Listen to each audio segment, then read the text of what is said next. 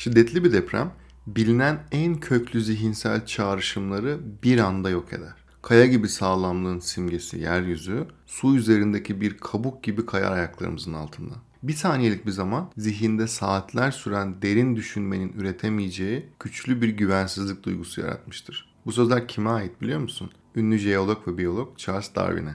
20 Şubat 1835 Şili depremi üzerine söyledikleri. Kısa kısanın bu bölümünde depremden bahsedeceğiz.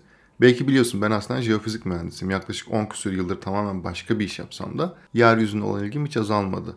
Dolayısıyla biraz daha fazla atıp tutma hakkım olan bir bölüm bu. Özellikle okula giderken okuduğum bölümü öğrenenlerin sorduğu ilk soru neydi sence? Tahmin edebileceğin gibi deprem ne zaman olacak? İkincisini tahmin edebilir misin peki?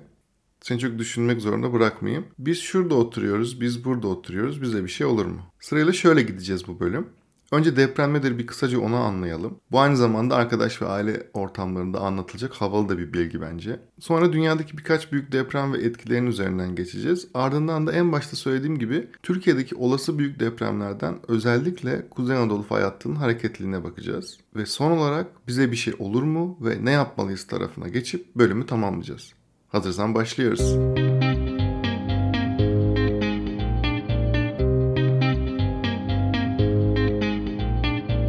Merhaba, ben Hakan Şık. Fikrin ne kadar önemli ve aslında ne kadar da önemsiz olduğunu konuşacağımız podcast serisi Bedava Fikre hoş geldin.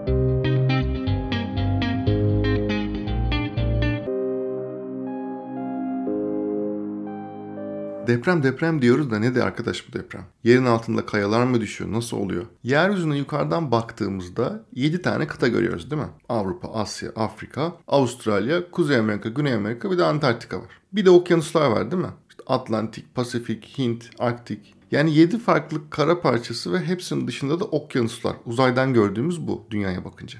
Peki bu kara parçaları ve okyanusların üzerinde yüzdükleri ve bizim asla görmediğimiz aşağıda, daha aşağıda tektonik levhalar olduğunu söylesem, gözlerini kapatıp canlandırmaya çalışsana bir hayal gücünle. Alt tarafta yani kıtaların ve okyanusların aşağısında birbirine değen çok büyük katı parçalar var. Bazıları kıtalardan çok daha büyük çünkü o, o kısımda su yok. Yani sadece kara katı parçalardan oluşan alt dünya katmanı bu. Ve sıkıntı şu. Bu levhalar sürekli hareket etmek istiyor. Düşünsene Avrupa kıtası hareket edip Asya kıtasına çarpıyor. Bu büyüklükte bir çarpmanın etkisi ne olur sence? Evet aynen öyle deprem dediğimiz şey olur. Kıtaların ve okyanusların kilometrelerce altındaki bu hareket eden levhalar birbirine çarptıkça biz bunu deprem olarak hissediyoruz. Mesela biz Türkiye olarak Anadolu levhası dediğimiz bir levhanın üzerindeyiz. Hemen üzerimizde yani kuzeyimizde tüm Avrupa ve Asya kıtasının bulunduğu Avrasya levhası var. Hemen aşağımızda güneyde Afrika kıtasının üzerinde bulunduğu Afrika levhası var.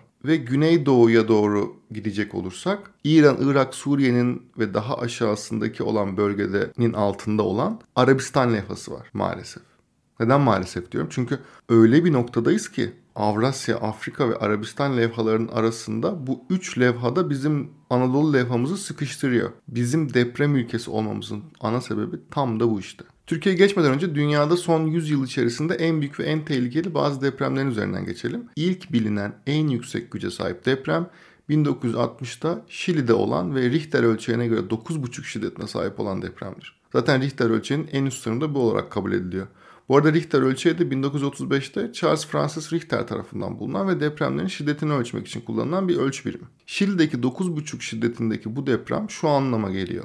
Olduğu yerde yıkılmayan bir yapı olması neredeyse imkansız. Nüfusla da oranlayınca yaklaşık 6 bin kişi ölmüş. En büyük depremlerden biri de yakın zamanda Japonya'da olan ve hatırlarsan Fukushima nükleer reaktörünün zarar görmesine sebep olan deprem. Yıl 2011, depremin büyüklüğü 9.1 ölü sayısı 18.500. Yine yakın zamanda 2004'te Endonezya'da olan 9.1 büyüklüğündeki depremde 220 bin kişi ölmüş. 220 bin. Depremin büyüklüğüyle ilgili olmayan bir durum maalesef ölü sayısı. 1976'da Çin'deki 7.4 büyüklüğündeki depremde de 242 bin kişi hayatını kaybetmiş. Bu liste uzuyor gidiyor. Gelelim Türkiye'ye. Türkiye'de gerçekleşen en büyük deprem 1939 Elazığ depremi. 7.9 büyüklüğündeki depremde 33 bin can kaybımız olmuş maalesef. Sonrasındaki en büyük deprem 7.5 ile 1976 Çaldıran depremi. Yaklaşık 4 bin vatandaşımız hayatını kaybetmiş. Üçüncü en büyük deprem ise bizim şimdi üzerine konuşacağımız 7.4'lük Gölcük depremi. 19 bine yakın vatandaşımız hayatını kaybetti ne yazık ki. 45 saniye süren bu depremin tarihi 17 Ağustos 1999. Herkesin dilinde olan Kuzey Anadolu fay hattı var ya. Bu fay az önce bahsettiğim Avrasya levhası var ya hani kuzeyimizde dediğim. Onunla Anadolu levhasının tam kesişim noktasında. Zaten faylar genelde bunun gibi levhaların kesişme noktalarında oluşuyorlar. Özellikle büyük olan faylar. Kuzey Anadolu fay hattı Doğu Anadolu'dan başlayıp Muş, Bingöl, Erzincan'dan başlayıp İç Anadolu ve Karadeniz'in iç kesimlerinden geçerek Sakarya, Kocaeli ve Yalova'dan Marmara Denizi'ne giren ve Çanakkale'den çıkan bir fay. Ve ben bu kaydı yaparken 2021 yılında en son kırıldığı yer Yalova yakınlarındaydı.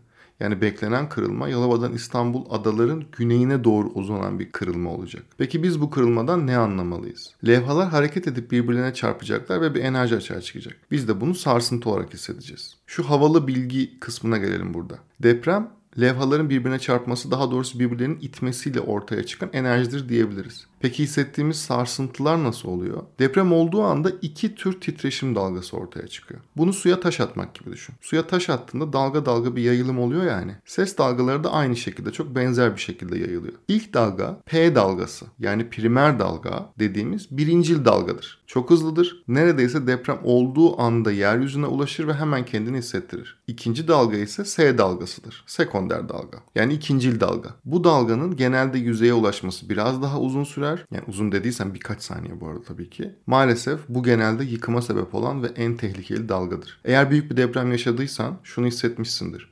Önce bir salladı durdu. Sonra bir daha ve daha uzun sallamaya başladı. İşte o ilk primer yani birincil dalga. Sonradan gelen ise sekonder yani ikincil ve yıkıcı olan dalga. Şimdi gelelim Büyük İstanbul depreminin zamanına. Dünyada depremleri önceden tahmin edebilen güncel hiçbir sistem yok. Japonya'daki bazı sistemler 10 saniye gibi süreler öncesinden tespit edip büyük yapılardaki elektrikleri kesip yangın ihtimalini önleyebiliyorlar. Ama en büyük gelinen aşama şu an bu. Yani kim size şu ay veya şu yıl olacak diyorsa yalan söylüyordur çoğu şarlatan şunu yapıyor. Her yıl veya dönem için olabilir diye tweet atıyor.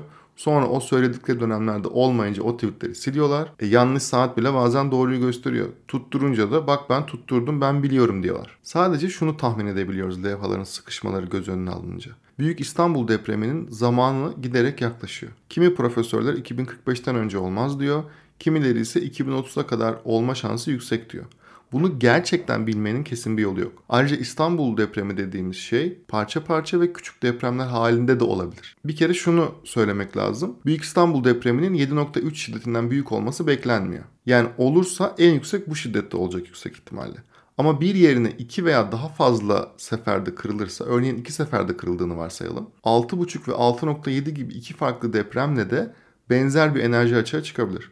Bu tabi çok daha az can ve mal kaybına neden olur. Umarım parçalı olarak ve bu şekilde kırılır. Bölümün sonuna gelmeden önce özellikle İstanbul için önemli bir bilgi vermek istiyorum. İstanbul Büyükşehir Belediyesi'nin her ilçe için semt özelinde hazırladığı bir zemin etüdü raporu var. Google'a İBB zemin etüdü yazdığında karşına çıkıyor. Tam linkinde söylemiş olayım. depremzemin.ibb.istanbul. Bu link üzerinden İstanbul'daki her semtin zemin raporuna ulaşabilirsin. Gelelim asıl soruya. Peki biz ne yapalım? Yine 5 maddede ne yapmamız gerektiğini anlatacağım.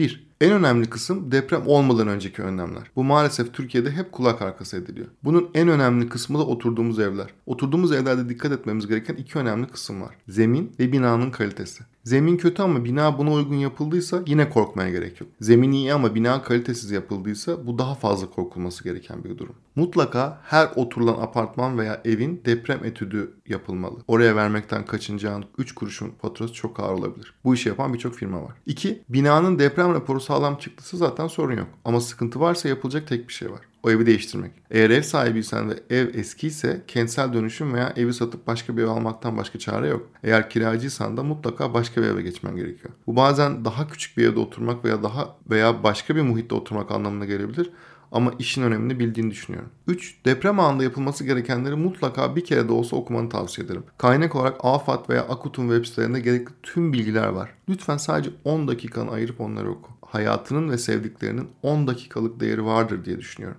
AFAD'ın bir deprem simülasyonuna girmiştim. Emin ol birçok şeyi yanlış biliyorsun. Lütfen o sayfaları oku. 4. Deprem çantası hazırlanması gerektiğini zaten biliyorsun. Ama yüksek ihtimalle hazırlamadın değil mi? Bunun birçok sebebi olabilir. Üşendim kim uğraşacak diyorsan bu aslında alttaki başka bir şeyleri saklamak için oluyor genelde. Daha derin bir anlamı var yani. Üşendiğin için yapmamış da değilsin. Kendin ve sevdiklerin için o çantayı hazırlar mısın? Yine AFAD ve Akut'un sitelerinde detaylı bir liste var ama ben sana saysam belki şimdi not almak ister misin? Bazıları şu an evde olmayabilir ama ufak fiyatları internetten veya dışarıdan herhangi istediğin bir yerden satın alabilirsin. Sayıyorum. Kişi başı 2 litre su, kolay bozulmayacak yiyecek, konserve, makarna vesaire, bir ilk yardım seti, pilli radyo, el feneri ve bunların yedek pilleri, battaniye, nakit para, kibrit veya çakmak, kağıt kalem, düdük, kimlik kartı, pasaport ve varsa doktor kayıtları, sürekli kullandığın ilaçlar, evdeki değerli eşyaların listesi, önemli telefon numaraları kağıda yazılı olarak, yedek kıyafet ve evde bir bebek varsa onun maması, bebek bezi ve biberonu.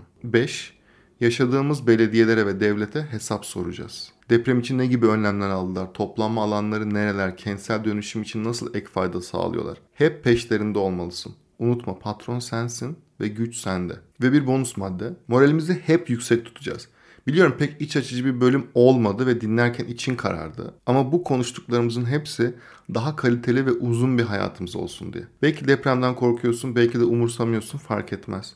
Deprem bizim gerçeğimiz ve bu topraklarda yaşadığımız sürece de bizimle kalacak. Önemli olan önceden bazı önlemleri alarak harekete geçmek. Her şeye çare bulamayabiliriz ama denersek çok güzel şeyler başarabiliriz. Bu benim için önemli bir bölüm. Bu yüzden arkadaşlarına bu bölümü paylaşırsan çok sevinirim. Ve tekrar altını çizmeliyim. Özellikle AFAD ve AKUT'un web sitelerini ve sosyal medya hesaplarını lütfen takip et. En doğru ve en güncel bilgileri oradan alabilirsin. Bu bölüm benimle olduğun için ve bana eşlik ettiğin için çok teşekkür ederim. Bir sonraki bölümde görüşmek üzere. Hoşçakal.